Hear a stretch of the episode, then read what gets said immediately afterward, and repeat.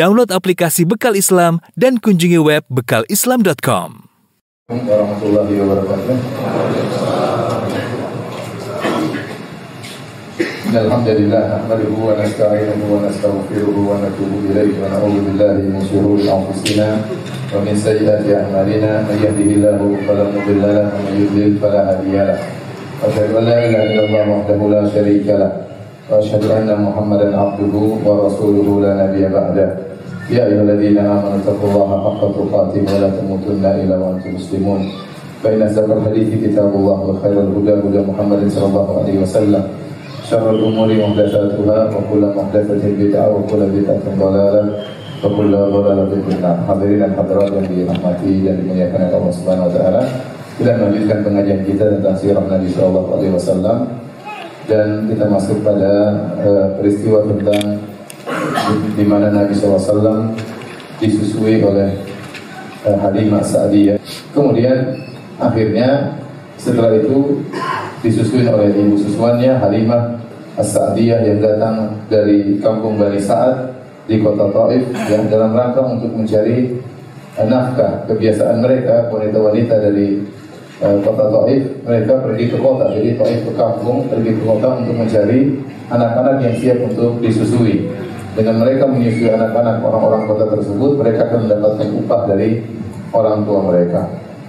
Tapi hadirin dan hadirat yang dirahmati oleh Allah Subhanahu Wa Taala, bagaimanakah kisah uh, disusuinya Nabi SAW oleh Halimah Sa'diyah? Sebelumnya ingin saya sampaikan bahwasanya orang-orang Arab dahulu, yang mereka sengaja uh, mengirim anak-anak mereka ke kampung-kampung untuk disusui di sana. Ya ada beberapa sebab dijelaskan oleh para ulama di antaranya pertama agar mereka bisa tumbuh dengan sehat ya, jauh dari eh, apa namanya pencemaran udara, jauh dari hal-hal yang penyakit-penyakit. Apalagi Mekah adalah tempat berkumpulnya orang-orang ya. Kita tahu Mekah adalah eh, tempatnya Ka'bah sehingga orang-orang berkunjung dari mana-mana dan orang juga berhaji di situ. Ya sejak zaman jahiliyah. Maka tatkala anak-anak mereka lahir, mereka ingin anak mereka tinggal di kampung-kampung ya, di badiah-badiah, di balui-balui. Di antaranya agar mereka bisa tumbuh dengan sehat. Yang kedua di antaranya untuk memperkuat bahasa Arab mereka. Karena kalau di Mekah bercampur dengan selain Arab, ada orang-orang mungkin dari luar datang, ya, sehingga mungkin bahasa agak tercampur. Tapi berbeda tatkala tinggal di kampung, benar-benar bahasa mereka bahasa Arab. Kemudian agar mereka juga Eh, di masa kecil mereka biasa hidup mandiri ya, tidak dimanja di, di kota. Ini di antara tujuan-tujuan kenapa anak-anak mereka diletakkan di kampung Arab. Tapi pada pun kisah uh, Halimah Sa'diyah ya, disebutkan kisahnya ketika dia keluar bersama suaminya dengan membawa anaknya yang masih kecil yang juga sedang dia susui dalam sekelompok wanita dari Bani Sa'ad bin Bakar itu dari kota Taif. Kota Taif ke Mekah kira-kira 90 kilo, 80 90 km. Kata beliau, "Kharajtu ala atarin li qamara ma'ana syarikun lana wallahi ma tabiddu bi qatra." Aku pun keluar menaiki menunggangi hemar betina ya, apa namanya keledai betina yang berwarna putih. Aku keluar bersama suamiku dan sambil menggendong putranya yang masih kecil dan kami juga bawa seekor onta kami. Tetapi demi Allah onta kami tidak mengeluarkan air susu sama sekali. Wa ma lana mulailana ajma' min sabiyyina alladhi ma'ana dan kami semalam tidak bisa tidur semalaman. Kenapa? Karena anak kami nangis terus ya. Min buka'i min al karena kelaparan. Ya tidak ada air susu pada diriku ya. Jadi air susu habis dan tidak tidak bisa mencukupi dia Kemudian unta kami pun tidak bisa mengeluarkan e, di peras susunya. Akan tetapi kami berharap ya, kami mendapat bantuan dan solusi dengan pergi ke kota Mekah. Maka keluarlah aku di atas keledai betinaku ya, yang yang lemah tersebut dan waktu kami berjalan ya keledai itu yang paling lemah ya sampai-sampai hal ini memberatkan rombonganku karena harus nunggu saya harus nunggu saya keledainya jalannya lemah ya saking kurusnya ya. Kemudian sampai akhirnya kami tiba di kota Mekah. Kami mencari anak-anak yang siap untuk kami susui. Fama minna illa wa qad uridu 'alaiha Rasulullah sallallahu wasallam fata'bahu. setiap wanita dari rombongan kami sudah ditawarkan si kecil Muhammad Shallallahu Alaihi Wasallam untuk disusui, untuk dibawa pulang. Tapi semua wanita tersebut menolak. Gak ada yang mau menyusui Muhammad Shallallahu Alaihi Wasallam. Tidak adalah annahu yatim. Kenapa? Karena dibilang ini anak yatim. Maka gak ada yang menyusui Muhammad. Kenapa? Karena kami berharap mendapat balasan kebaikan dari bapaknya si kecil. Kalau bapaknya nggak ada, apa yang kami harapkan? Fakunna nakul yatim. Kami berkati anak yatim. Apa yang mau dilakukan oleh ibunya kepada kita? Apa yang dilakukan oleh kakeknya kepada kita? Maka akhirnya kami seluruh para rombongan wanita tidak mau merawat Muhammad, sekecil Muhammad sallallahu alaihi wasallam. Akhirnya setelah mencari-cari anak untuk disusui, Fama baqiat imra'atun qadimat ma'i illa akhadhat radian ghairi. Seluruh rombongan wanita semuanya sudah bawa pulang anak untuk di susuin ya. Kecuali aku, aku belum dapat anak. Enggak ada.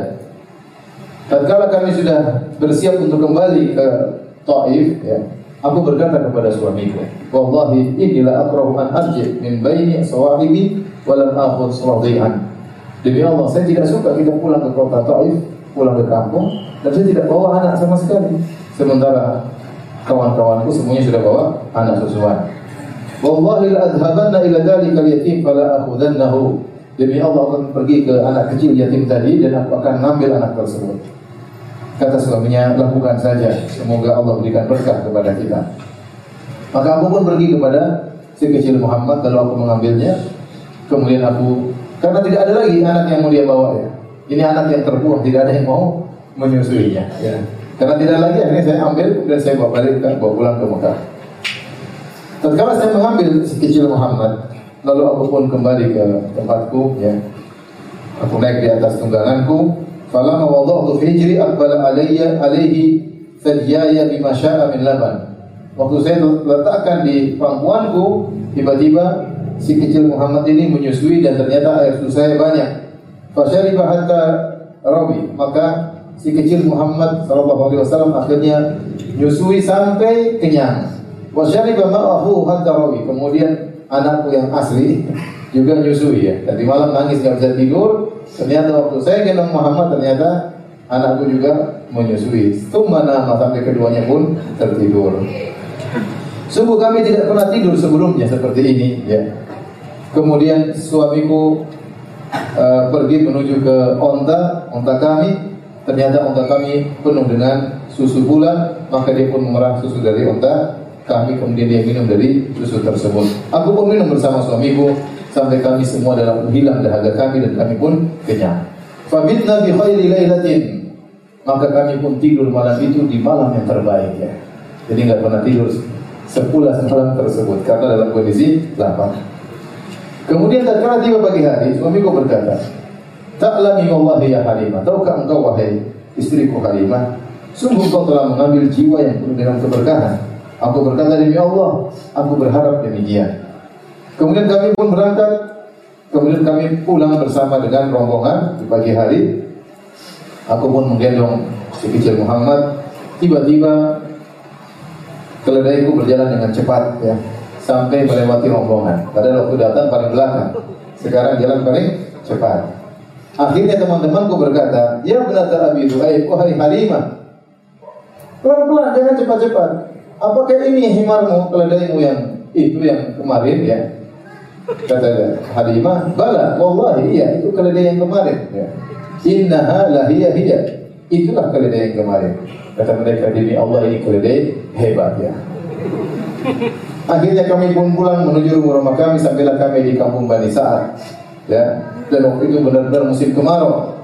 Tidak ada tumbuhan, ya, hanya sedikit tumbuhan maka kambing-kambingku pergi dikembalakan kemudian tatkala balik kambing-kambingku menuju rumah kami dalam kondisi kenyang kemudian penuh dengan air susu maka kami pun memerah susu dari kambing-kambing kami dan kami minum dari susu tersebut padahal tetangga-tetangga kami kambing-kambingnya nggak ada susunya sampai orang-orang dari tetangga-tetangga kami pun mengatakan kepada tukang gembala mereka kalian kalau mengembalakan kambing, pergi ke tempat kambing-kambingnya Halimah. Ikuti kambing-kambingnya. supaya pulang juga gemuk dan apa banyak susunya. Akhirnya tetangga-tetangga kami pun pergi menggembalakan kambing mereka bersama kambing-kambing kami.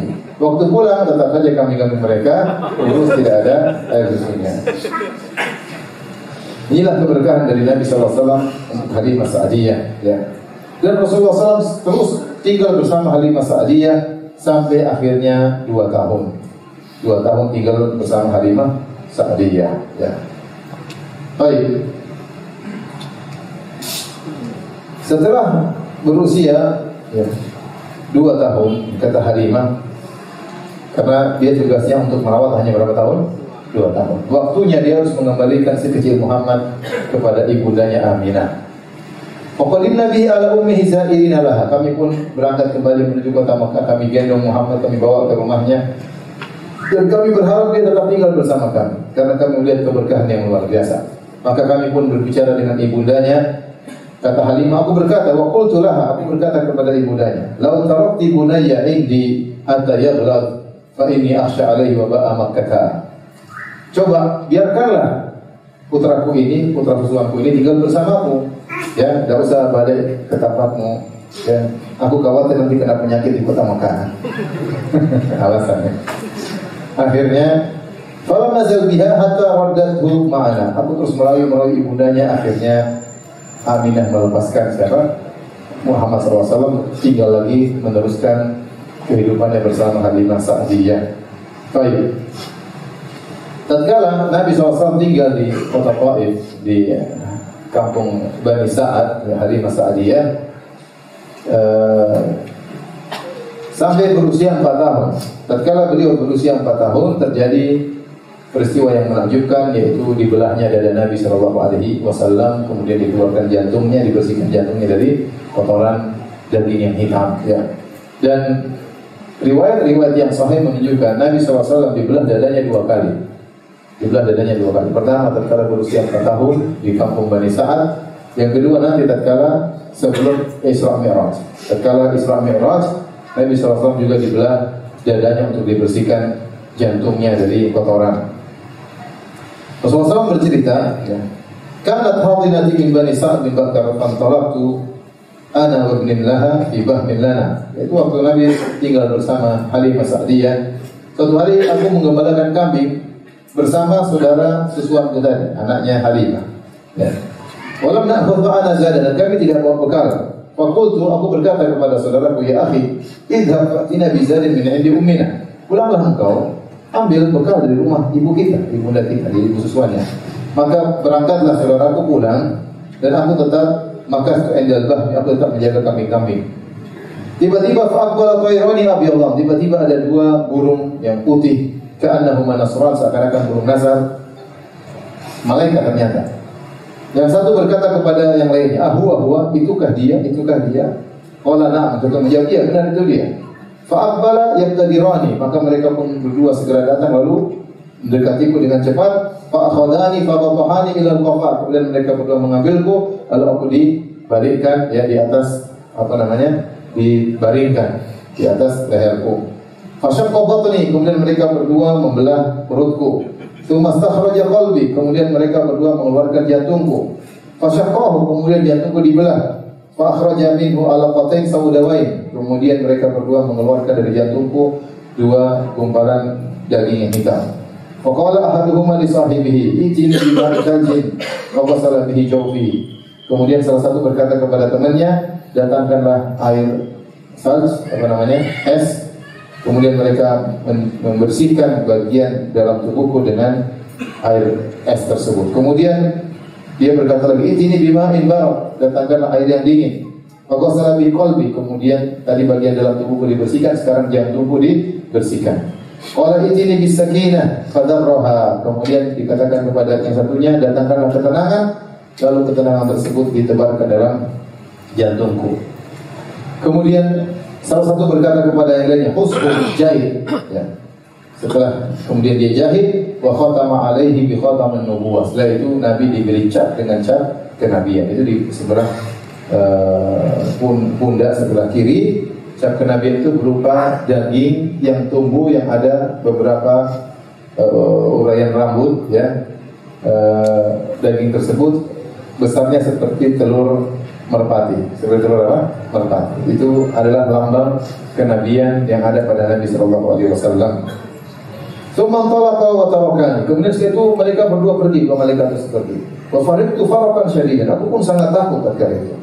Kemudian aku pergi menuju ibuku. Aku kabarkan kepada Halimah Sa'diyah tentang apa yang telah menimpaku. Fa asfaqat alayya an yakuna ulbisa bi. Maka ibuku tadi khawatir aku ini sudah gila atau terpengaruh ada sesuatu yang menimpaku, gangguan jin atau yang lainnya. Qalat u'idzuka billah. Maka dia berkata, aku mohon kepada Allah untuk melindungimu. Farahalat ba'iran laha wa hamalatni ala rahli. Maka segera dia pun mengambil uh, apa namanya? Uh, tunggangannya ya kemudian dia pun membawaku di atas tunggangan kemudian aku naik di belakang Halimah sampai akhirnya aku pun pulang ke rumah ibuku Aminah. Jadi Halimah ketakutan. Dia khawatir nanti diminta pertanggungjawaban ini kenapa anak ini. Akhirnya segera dibawa pulang. Ya. Akhirnya setelah sampai di sana Kemudian Halimah berkata, "Addaitu amanati wa dhimmati." Aku telah menunaikan tugas dan aku kembalikan tanggung jawabku. Yang waktu itu bilang jangan dikembalikan, sekarang apa? Suruh kembalikan. Kemudian aku, kemudian Halimah mengabarkan kepada ibuku tentang apa yang terjadi, tapi ibuku tidak ketakutan. Ibuku berkata, "Ini ra'aitu hina hamaltu bi anna kharaja minni nurun adha'at minhu qusur syam." Sungguhnya aku pernah lihat dalam mimpiku ya, tatkala aku melahirkan si Muhammad ya maka keluar dariku cahaya yang cahaya tersebut menyinari istana-istana di negeri Syam. Baik, ini uh, hadis riwayat Imam Ahmad dalam musnadnya. Demikian juga Imam Muslim dalam sahihnya meriwayatkan dengan cerita yang sama yang mirip. Bahwasanya Rasulullah SAW didatangi oleh Jibril dari Anas bin Malik radhiyallahu anhu. Bahwasanya Rasulullah SAW didatangi oleh Jibril dia sedang bermain sama anak-anak yang lain. Kemudian malaikat Jibril pun mengambilnya fasarahu kemudian diambil kemudian dijatuhkan fasaka qalbi kemudian dibelah jantungnya. Dibelah dadanya kemudian dikeluarkan jantungnya. Setelah itu di, diambil fastakhraja minhu alaqah diambillah bagian yang hitam dari jantungnya tersebut. Kemudian Jibril berkata, "Hadza hadzu syaitan minka." Ini adalah bagian setan darimu. Jadi kalau setan menggoda selalu lewat di sini, dicabut bagian kotor tersebut. Kemudian tsumma ghasala fi tasdin min dhahabin bima zamzam. Kemudian jantungnya dikeluarkan, diletakkan di sebuah tempayan terbuat dari emas, kemudian berisi air zam-zam. Kemudian dicuci oleh malaikat Jibril. Kemudian setelah itu setelah di, di itu di, dijahit jantungnya, kemudian dikembalikan ke dalam dada Nabi Shallallahu Alaihi. Wajah al gilman yas'aun ila ummihi maka anak-anak tadi ketakutan mereka pun lari menuju kepada ibu ibu susunya itu Halimah kemudian mereka berkata inna Muhammad dan kutil Muhammad telah dibunuh Muhammad telah dibunuh Kemudian akhirnya mereka pun mendatangi Rasulullah SAW bahwa muntaqiul laun Rasulullah SAW berkondisi pucat. Kata Anas radhiyallahu anhu, "Wa qad kuntu ara athara dzalikal makhit fi sadrihi." Aku pernah melihat bekas jahitan di dada Nabi sallallahu alaihi wasallam. Dibelah, jantungnya dikeluarin, jantungnya juga dibelah, dikeluarin yang warna hitam, jantungnya dijahit, dimasukkan lagi, dadanya di dijahit. Ya. Hadirin hadirat yang hadir subhanahu wa taala. Kisah ini di antara mukjizat Nabi sallallahu alaihi wasallam ya. Dan ada orang non muslim yang mengingkari kata mereka masa bisa kayak gitu jantung dibelah kemudian dikeluarin apa namanya kotorannya dimasukin lagi ya aneh itu orang itu yang mati lah pasti gak mungkin ya. Nah, ini diungkap, diungkapkan oleh mereka sejak dahulu. Kalau sekarang sudah mulai berkurang ya, karena sekarang sudah terbukti teknologi canggih itu gampang gitu-gitu tinggal jantung dikeluarin, dikasih jantung palsu, kemudian dioperasi sampai 20 jam, bisa terjadi. Ya, bisa terjadi. Sekarang secara teknologi sangat mudah terjadi. Yang pertama, bukan suatu yang tidak masuk akal, itu masuk akal dan sudah terjadi di zaman sekarang. Sebagian orang jantungnya bermasalah, dilepasin, di dibelah, diperbaiki, dianut, dan nanti dimasukin lagi. Yang kedua, namanya mujizat pasti aneh ya. Kalau nggak aneh, namanya bukan apa? Mujizat. Sama sekarang Nabi Isa alaihissalam waktu kecil bisa bicara. Aneh atau tidak? Aneh lah masih kecil masih digendong sudah ngomong ini Abdullah dan yang kitab aku ini hamba Allah. Allah berikan aku Alkitab. Allah berikan aku Injil. Enggak mungkin anak kecil tidak belajar atau bisa bisa ngomong. Demikian juga Nabi Isa alaihissalam dengan mujizatnya bisa menyembuhkan orang yang buta disentuh, diusap langsung bisa melihat lagi. Bahkan yang mati bisa dihidupkan lagi oleh Nabi Isa alaihissalam. Ini semua tidak masuk akal, tapi itulah yang namanya mukjizat. Nabi Musa alaihissalam melemparkan tongkat jadi ular, sama itu juga tidak masuk akal. Pakai logika mana? Unsur kayu bisa berubah menjadi unsur daging ular. Gak mungkin. Tapi itulah yang namanya apa? Mukjizat. Dan apa faedah Nabi SAW uh, eh, dibersihkan jantungnya sejak dia masih kecil? Kata para ulama, jawabannya ya, agar Nabi SAW sejak kecil terjaga akhlaknya, dipelihara oleh Allah Subhanahu Wa Taala. Ya, karena kalau Nabi tidak dibersihkan jantungnya, kemudian dia tumbuh sebagaimana anak-anak yang lain, kemudian di remaja dia nakal, kemudian dia mungkin uh, melakukan kesalahan-kesalahan. Nanti kalau dia dianggap menjadi nabi, orang-orang akan bilang, "Eh Muhammad, eh dia sekarang sok jadi nabi, ini dulu bajingan seperti saya." Paham? Jadi itulah kenapa Nabi SAW sebelum jadi nabi, memang dia juga dijaga. Dijaga, jangan sampai Nabi SAW meskipun di masa remaja pernah melakukan hal yang diharamkan.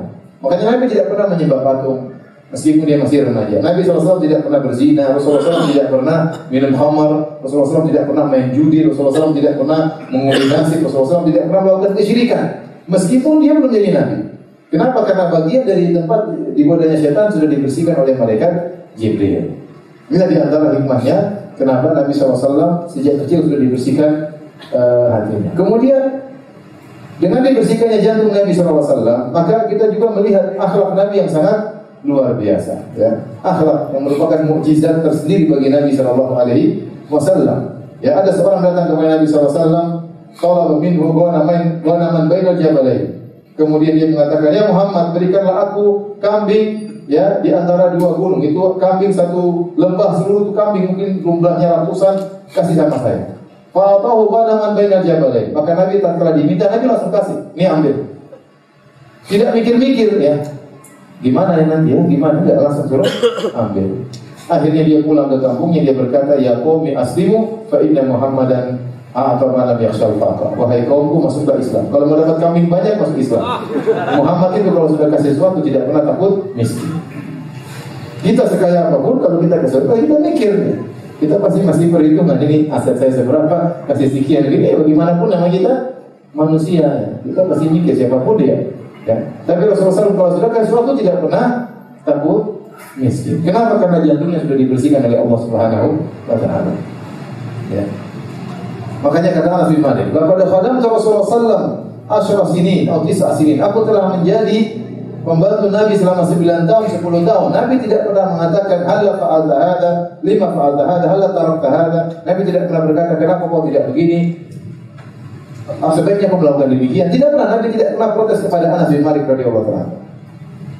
Apalagi marahin, tidak pernah. 10 tahun majikan tidak pernah marah anak buah itu aneh ya.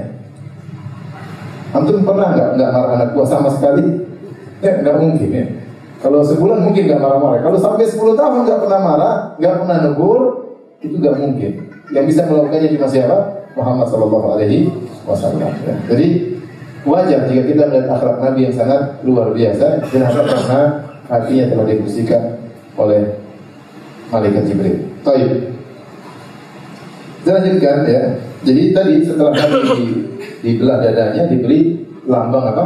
Kenabian ya. berupa daging yang tumbuh seukuran e, telur puyuh ya kemudian ada rambut yang terurai di sekitar e, telur puyuh atau sekitar daging tersebut yang sebesar telur puyuh. Akhirnya Nabi SAW setelah itu kembali kepada ibundanya Aminah bintu Wahbin kemudian dirawat oleh ibundanya sampai beliau berusia lima atau enam tahun enam tahun ya.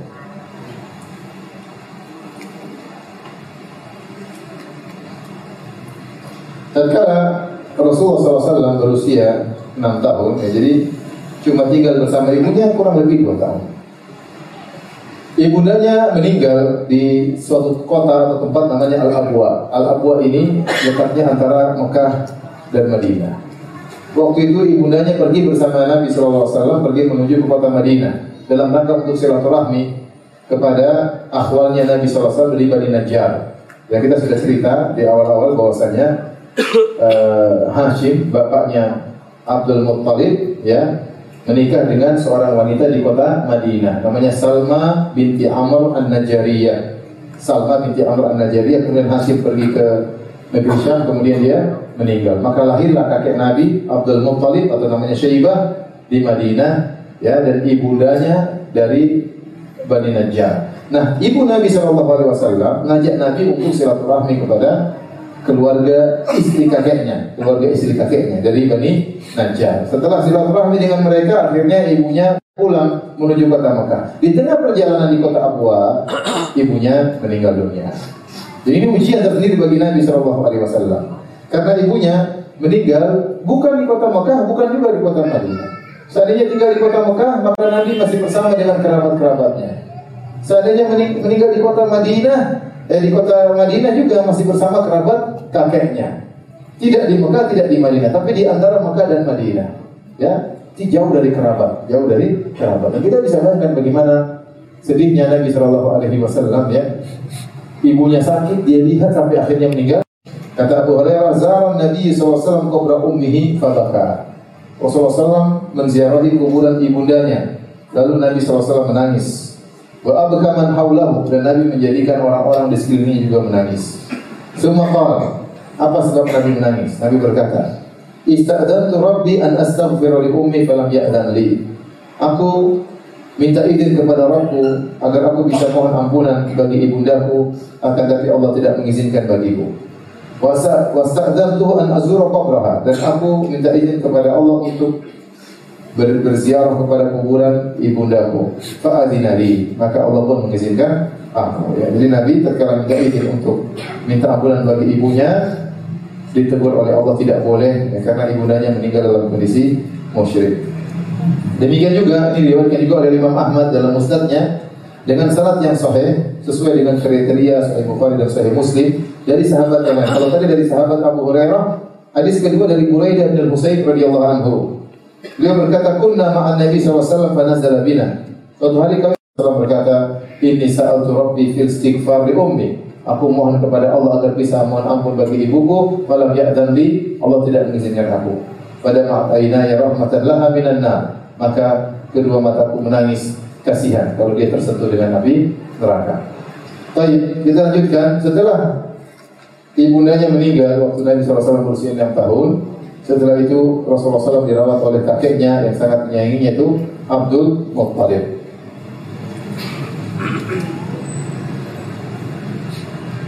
Dan Abdul Muttalib sangat sayang kepada Nabi Shallallahu Alaihi Wasallam.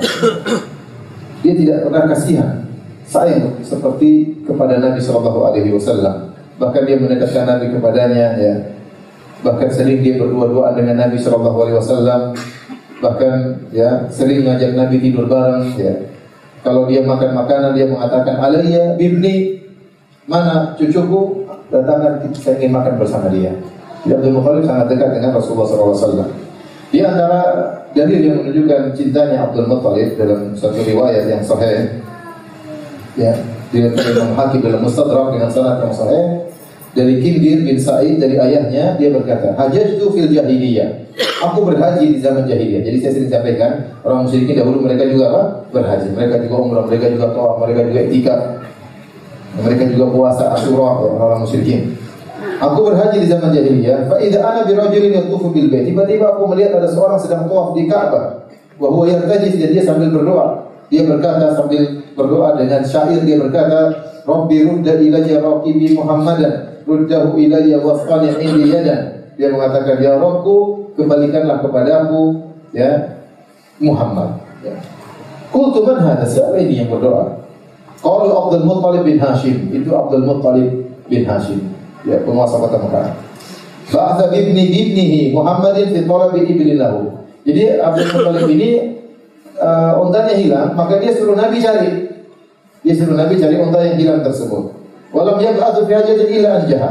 Dan selalu kalau dia utus Nabi cari barang hilang atau keperluan, pasti berhasil. Namun kali ini Nabi gak datang-datang. Jadi gelisah dia. Biasanya kalau ngurus Nabi kasih tugas pasti selesai. Ini tugas pasti selesai. Nabi cerdas. Ya. Namun kali Nabi cari untanya tidak datang-datang. Maka dia pun sedih. Dia berdoa di Ka'bah sambil tawaf minta agar Allah segera mengembalikan Muhammad wasallam. Falam yas falam yalbat an ja'a wal ibil. Tidak lama kemudian Nabi muncul bersama onta yang dicarinya tersebut. Fa'tanaqahu maka Abdul Muthalib segera memeluk Nabi sallallahu alaihi wasallam wa qala kemudian berkata ya bunayya laqad jazitu alayka jaz'an lam ajza'hu ala syai'in qad. Wahai cucuku, aku sungguh khawatir, aku tidak pernah khawatir seperti kekhawatiran saat ini. Khawatir kau tertimpa sesuatu. Wallahi la aba'athuka fi hajatin abadan. Habis ini dia tidak akan pernah nyuruh kamu lagi. Pokoknya sudah. Nanti disuruh nggak balik lagi bahaya kan. Wala tufariquni ba'da hadza abadan. Kau tidak boleh meninggalkan aku setelah ini selamanya. Di antara hal yang menunjukkan bahwasanya Abdul Muttalib sangat sayang kepada Nabi SAW. Abdul Muttalib dia punya semacam permadani ya tempat duduk beliau khusus spesial di dekat Ka'bah. Tidak ada seorang anaknya pun yang berani duduk di tempat duduknya Abdul Muttalib. Om-omnya Nabi nggak ada yang berani duduk di situ. Ya. Kenapa? Karena mereka benar-benar menghormati bapak mereka Abdul Muttalib. Waktu itu Nabi SAW masih remaja, Nabi SAW datang duduk di situ. Padahal om-omnya nggak ada yang berani. Maka om-omnya fayakhudahu a'mamuhu liyuakhiruhu anhu. Semuanya ini minggir, minggir. Jangan duduk situ, jangan duduk situ. Maka Abdul Muttalib tegur, Da'uhu mihajis, biar biar cucu duduk situ. Biar, tenang aja, santai aja. Kira-kira gitu ya. Ada masalah duduk aja. Bahwa inalahu la sya'na, dia nanti akan menjadi orang orang hebat. Jadi semua alal firash, kemudian dia pangku Nabi SAW duduk bersamanya di atas permadani tersebut. Wa yamsahu dhahra biyadihi wa yasurruhu ma yarahu yasna. Kemudian dia usap punggung Nabi SAW. Jadi senang melihat kegiatan Rasulullah SAW. Kemudian tatkala Nabi dua tahun bersama pamannya Rasulullah SAW berusia 8 tahun akhirnya eh, bersama kakeknya Abdul Muttalib akhirnya kakeknya pun meninggal dunia. Ini Rasulullah SAW ini ya orang yang paling banyak ujiannya. Sebagaimana eh, apa namanya dalam hadis ya asyadun nasi balaan al-anbiya, thumma salihun, thumma al-amsal Orang yang paling berat ujiannya adalah para nabi kemudian orang-orang saleh, kemudian yang sesudahnya dan sesudahnya. Yubtala rajulu ala qadri imanihi. Seorang diuji berdasarkan imannya. Ika fi imanihi uh, salatatun zida fi balai. Kalau ternyata imannya kokoh Allah tambah ujiannya. Wa in kana fi imani riqqatun khufifa. Kalau ternyata imannya lemah Allah kurangi ujian. Jika Allah kasih kita ujian, Allah tahu pasti kita pasti kalau kita sabar kita pasti bisa melewati ujian. Dan ujian pasti ada dengan berbagai macam bentuk. Ujian tidak mesti di harta, terkadang ujian pada istri kita, terkadang ujian pada orang tua kita, terkadang ujian pada anak kita, terkadang ujian pada kerabat kita, ya, terkadang ujian pada kesehatan kita, banyak ujian macam-macam. Ya. Dan Nabi SAW orang yang paling diuji, yang paling diuji. Coba kita kalau kita melihat sejarah Nabi SAW, Nabi lahir tidak pernah ketemu dengan bapaknya. Sejak kecil jauh dari orang tua. Kemudian umur 6 tahun dan ibunya dari meninggal di depan beliau dan dia tidak bisa berbuat apa. Kemudian tinggal bersama kakeknya, kemudian kakek meninggal, kemudian tinggal sama pamannya. Kan? Kemudian setelah beliau besar, kemudian beliau punya anak, menikah dengan Khadijah punya anak, anak-anaknya yang laki-laki, semuanya anak-anaknya meninggal sebelum beliau meninggal, kecuali Fatimah. Ya, ya jadi Ruqayyah, Ummu Kulsum, Zainab, ya, Ibrahim, semuanya meninggal. Bahkan Ibrahim meninggal di pangkuan Nabi SAW, anaknya laki-laki. Waktu Ibrahim meninggal di pangkuan Nabi, Ya, sementara dia menggeliat kesakitan, Nabi mengeluknya kemudian meninggal di pangkuan Nabi SAW sampai akhirnya Nabi SAW menangis. Rasulullah SAW berkata, Innal aina la tajma, sungguhnya mata ini mengeluarkan air mata. Ya. Wa inna qal wa inna qalba la yahzan, sungguhnya hatiku dalam kondisi sedih. Wala naqulu illa bima yurdi rabbana. Meskipun demikian, kami tidak berkata kecuali dengan perkataan yang mendatangkan keriduan Allah Subhanahu wa taala. Wa inna bi firaqika ya Ibrahim la mahzunun. Sungguh kami bersedih dengan kepergianmu wahai putraku Ibrahim. Belum lagi Nabi SAW dicaci maki oleh kaumnya, belum lagi Nabi SAW dilempar batu sampai berdarah dan banyak ya. Nabi tidak pernah istirahat sejak beliau menjadi Nabi sampai beliau meninggal dunia. Terus berpindah dari satu musibah ke musibah yang berpindah, berpindah dari satu kesulitan ke kesulitan yang tidak pernah istirahat sampai akhirnya meninggal dunia. Itu, itu pun meninggal dunia dalam kondisi diracun. Akhirnya racun tersebut berpengaruh terhadap wafatnya Nabi Shallallahu Alaihi Wasallam. Jadi benar bahwasanya orang yang paling diberi ujian adalah orang yang paling beriman. Kita tidak berharap diuji oleh Allah Subhanahu wa taala. Kalau bisa kita gak diuji masuk surga ya. Tapi ujian itu sudah kelaziman. Orang yang beriman pasti akan diuji. Ahasiban nas an yutraku an yaqul amanna wa hum yuftanun. Apakah manusia dibiarkan mengatakan kami beriman lantas tidak diuji? Pasti diuji. Siapa pun dia. Tapi ujian ber, berbeda-beda. Ujian berbeda-beda. Baik, waktu Nabi berusia 8 tahun, akhirnya kakeknya Abdul Muttalib pun meninggal dunia ya. Setelah itu akhirnya Nabi dipasrahin oleh kakeknya kepada Abu Talib pamannya Nabi SAW dan sudah saya sampaikan ya bahwasanya Abu Talib adalah satu ayah dan satu ibu dengan Abdullah bapaknya Nabi Shallallahu Alaihi Wasallam. Berbeda dengan paman-paman Nabi yang lain. Paman-paman Nabi yang lain dari istri yang berbeda. Jadi Abdul Muttalib istrinya lima. Abdul Muttalib istrinya berapa? Lima. Dari masing-masing lima itu punya anak-anak. Sehingga dia punya anak sepuluh orang laki-laki dan enam anak perempuan. Dari lima istri tersebut. Di antara yang satu ibu adalah Abu Talib dengan siapa? Abdullah. Dengan satunya Zubair, tapi Zubair sudah meninggal. Tinggal dua ini Abu Talib dengan Abdullah. Abdullah meninggal, tinggal Abu Talib. Maka waktu Nabi SAW dipelihara oleh Abu Talib, benar-benar Abu Talib sangat sayang kepada Nabi. Seakan-akan Nabi itu adalah putranya sendiri. Karena dia adalah anak dari saudara kandungnya Abdullah. Baik. Hadirin dan hadirat yang dirahmati oleh Allah Subhanahu wa taala, oleh karenanya, begitu sayangnya uh, Abu Talib, ya, maka Abu Talib sering membawa Nabi SAW dalam perjalanannya, bahkan di antaranya Nabi SAW dibawa sampai ke negeri ke negeri Syam untuk berdagang ya. Namun Abu Talib adalah orang yang miskin, dia bukan orang kaya. Meskipun secara nasab dia nasabnya sangat tinggi, tapi dia bukan orang orang kaya. Oleh karenanya Nabi SAW membantu beliau. Nabi juga adalah ponakan yang tahu diri dia. Dia tinggal bersama paman yang miskin dan dia berusaha membantu pamannya. Di antaranya Nabi SAW menggembalakan kambing untuk membantu kehidupan pamannya. Dalam satu hadis Rasulullah SAW bersabda, "Maka afallahu nabiyyan illa ra'al ghanam." Tidaklah Nabi mengutus seorang nabi pun kecuali pasti menggembalakan apa? Kambing. Semua semua Nabi Ibrahim pernah mengembalakan kambing. Nabi Daud pernah mengembalakan kambing. Nabi Sulaiman yang raja yang luar biasa juga pernah mengembalakan apa? Kambing. Nabi Musa yang hebat juga pernah mengembalakan apa? Kambing. Bagaimana bisa mengembalakan kambing? Allah bikin skenario sehingga dia harus mengembalakan kambing. Bayangkan Nabi Musa sejak kecil jadi anak angkatnya Fir'aun. Anak angkat raja ngapain gembalain kambing? Gak mungkin gembalain kambing. Anak angkatnya apa? Raja. Tinggal di Fir'aun dengan mewah, makan enak, tentram, semuanya pokoknya dipenuhi.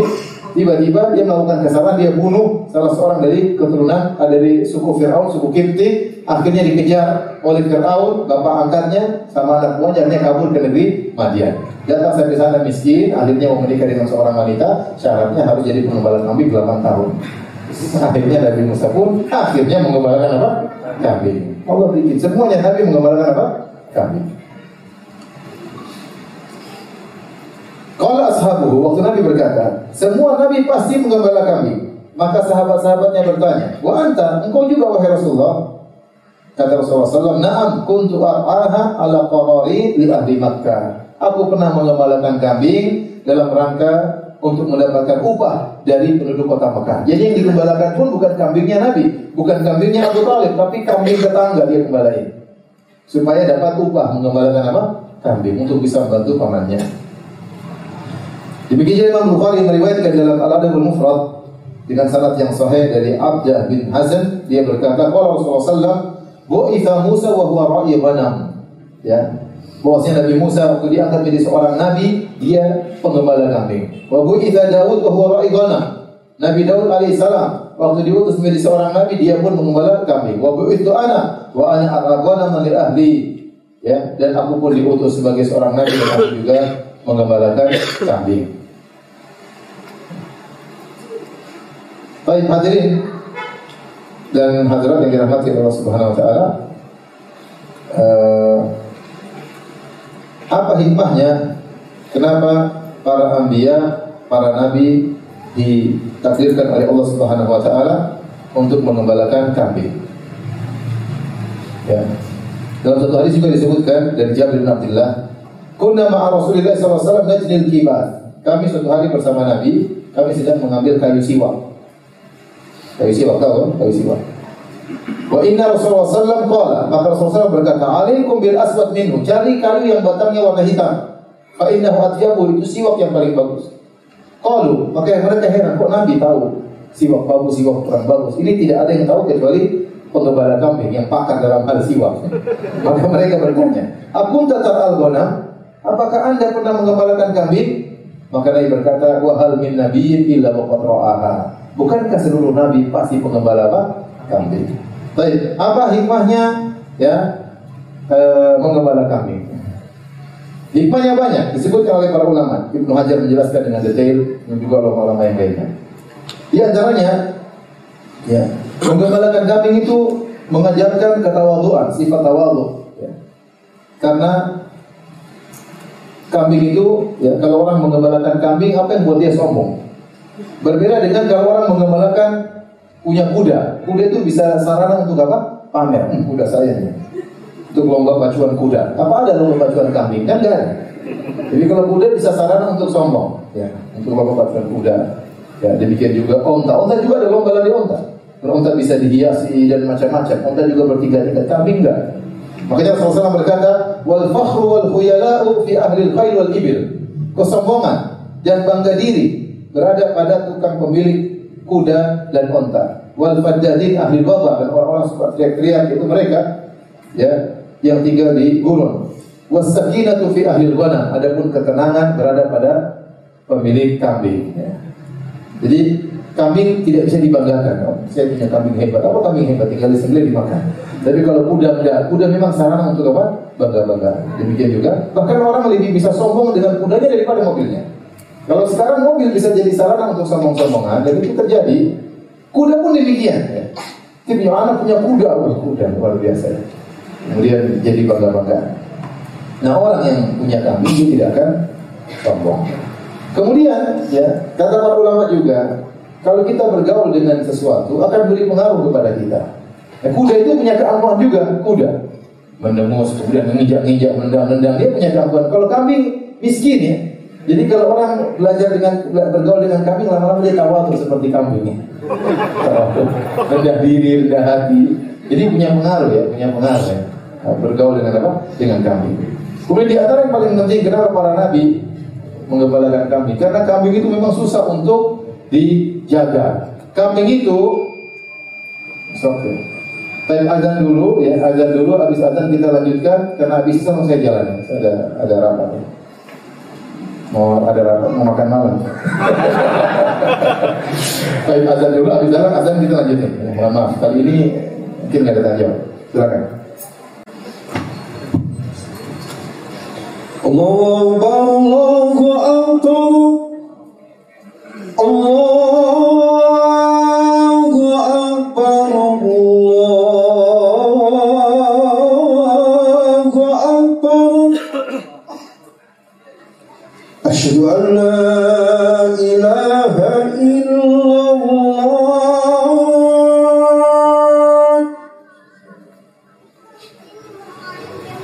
أشهد أن لا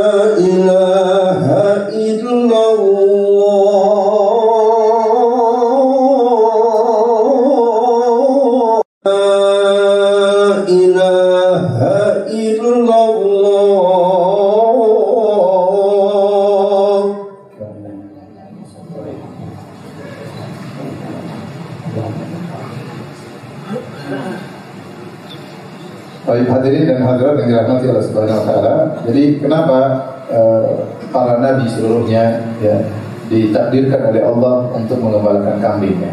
Di antara hikmah yang disebut oleh para ulama, karena kambing-kambing itu adalah hewan-hewan yang lemah. Perlu perlu perhatian khusus untuk menjaga kambing-kambing tersebut. Datang serigala untuk menyerang, ya, ada hewan-hewan buas ingin makan kambing tersebut, maka ini berat bagi seorang pengembala. Beda dengan kuda, dengan unta tidak perlu. Yang kuda tidak ada yang juga tidak akan dimakan oleh serigala. Adapun di padang pasir di seperti itu datang serigala untuk uh, apa namanya memakan kambing maka ini butuh perhatian khusus dari pengembala kambing. Kemudian kambing-kambing itu juga susah untuk dikumpulkan. Kambing itu hewan yang susah untuk dikumpulkan. Beda kalau orang gembala bebek, tinggal pegang kepalanya yang banyak ikut semua di belakang. Kambing enggak. Ya, dia cepat sekali terpecah, disatukan cepat sekali ter- ber- ber- bercerai-berai. Kemudian belum lagi mengumpulkan, memindahkan dari satu tempat gembalaan ke tempat gembalaan yang lain. Ini nggak gampang. Ini semua melatih seorang nabi untuk bagaimana dia bisa bersiasat dalam menghadapi kambing-kambing tersebut. Kemudian kambing-kambing tersebut juga bermacam-macam. Ada kambing tua, ada kambing muda, ada kambing ngeyel, ada kambing yang nggak ngeyel.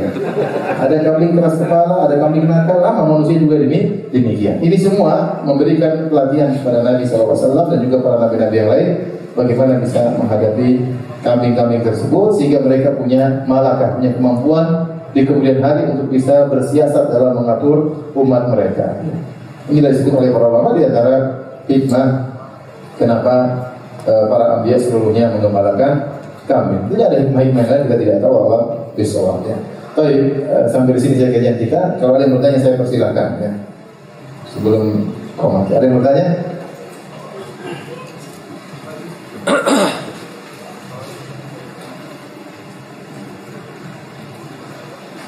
Ustaz, bagaimana kalau masjid sekitar kita kiblatnya kurang tepat sedikit ke kanan? Apa yang harus kami lakukan? Gak ada masalah. Jadi kiblat itu kalau kita melihat Ka'bah maka kita harus menghadap Ka'bah. Tapi kalau Ka'bahnya nggak kelihatan, maka yang penting arah Ka'bah, Ka'bah, bukan zat Ka'bah. Yang penting arah Ka'bah. Ya. Makanya kalau kita di hadapan di Masjidil Haram, safnya nggak boleh lurus, safnya harus apa? Membulat. Karena semua yang lihat Ka'bah harus menghadap apa? Ka'bah. Tetapi masjid-masjid yang di luar Masjidil Haram, safnya lurus nggak bulat. Paham? Kenapa? Karena mereka tidak melihat Ka'bah. Contoh sederhana di Masjid Nabawi. Masjid Nabawi kalau sudah sholat id atau sholat Jumat panjang, sholat id itu safnya bisa sampai mungkin 2 kilo panjang. Sementara panjang Ka'bah paling berapa? Ya, taruhlah 20 meter, mungkin nggak sampai. Ka'bah cuma berapa? Mungkin belasan meter. Belasan meter, yang paling kira-kira taruhlah 30 eh, orang jejer. Baik, yang sekilo ke kanan, sekilo ke kiri menghadap mana? Pasti tidak menghadap Ka'bah. Karena cuma 20 orang, 30 orang yang persis menghadap ke zat Ka'bah. Sementara yang sebelah kanan, sebelah kiri sekilo-sekilo pasti tidak menghadap apa?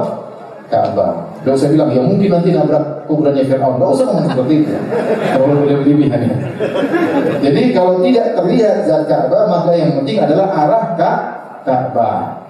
Meskipun tidak tepat mengenai apa? Mengenai zat Ka'bah. Oleh karenanya kata para ulama, kalau ada miring sedikit tidak ada masalah. Apalagi Nabi SAW pernah bersabda dalam hadisnya, Bainal masyrik wal maghrib kiblah antara timur dan barat adalah kiblat. Dahulu penduduk kota Madinah kalau sholat menghadap selatan karena Ka'bah di sebelah selatan. Maka Nabi tidak mengatakan harus tepat. Kata Nabi yang penting antara timur dan barat yang penting arah selatan. Agak kanan kiri sedikit tidak ada masalah. Jadi kalau ternyata kemiringannya cuma 30 derajat, 35 derajat, 40 derajat masih dimaafkan. Nah, masih dimaafkan. Tapi kalau sudah 90 derajat nah agak aneh, agak aneh. kalau 90 derajat ya sudah kayak lain. Tapi kalau cuma miring-miring sedikit 30 derajat nggak ada masalah ya. Ada masalah. Kalau imamnya mau meluruskan kita luruskan. Imamnya nggak mau nggak ada masalah. Ya, nggak ada masalah. Tapi tidak apa kasih masukan ini kayaknya kurang tepat. Ya. Ah, kamu apa namanya programmu yang salah. Kompas yang keliru. Jadi ribut akhirnya.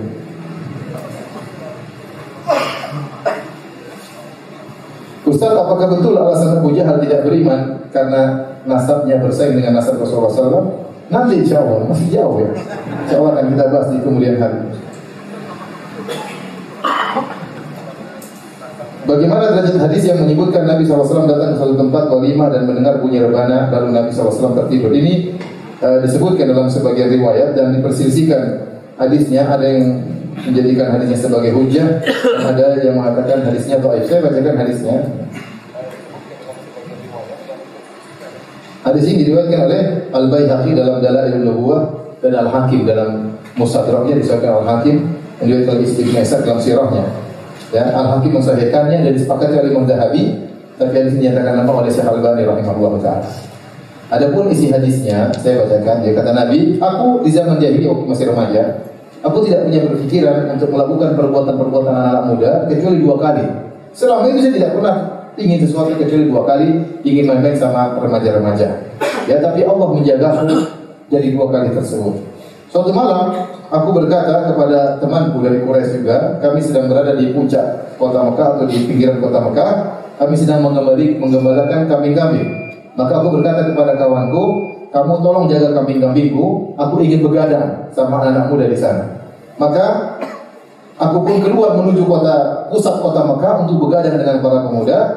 Tiba-tiba aku mendengar ada suara nyanyian. Sami'tu gana binaan. Aku mendengar suara nyanyian. Wa sauta dufufin. Dan aku mendengar suara rebana. Wa zamrin. Aku mendengar suara seruling. Itu lagi pesta ya.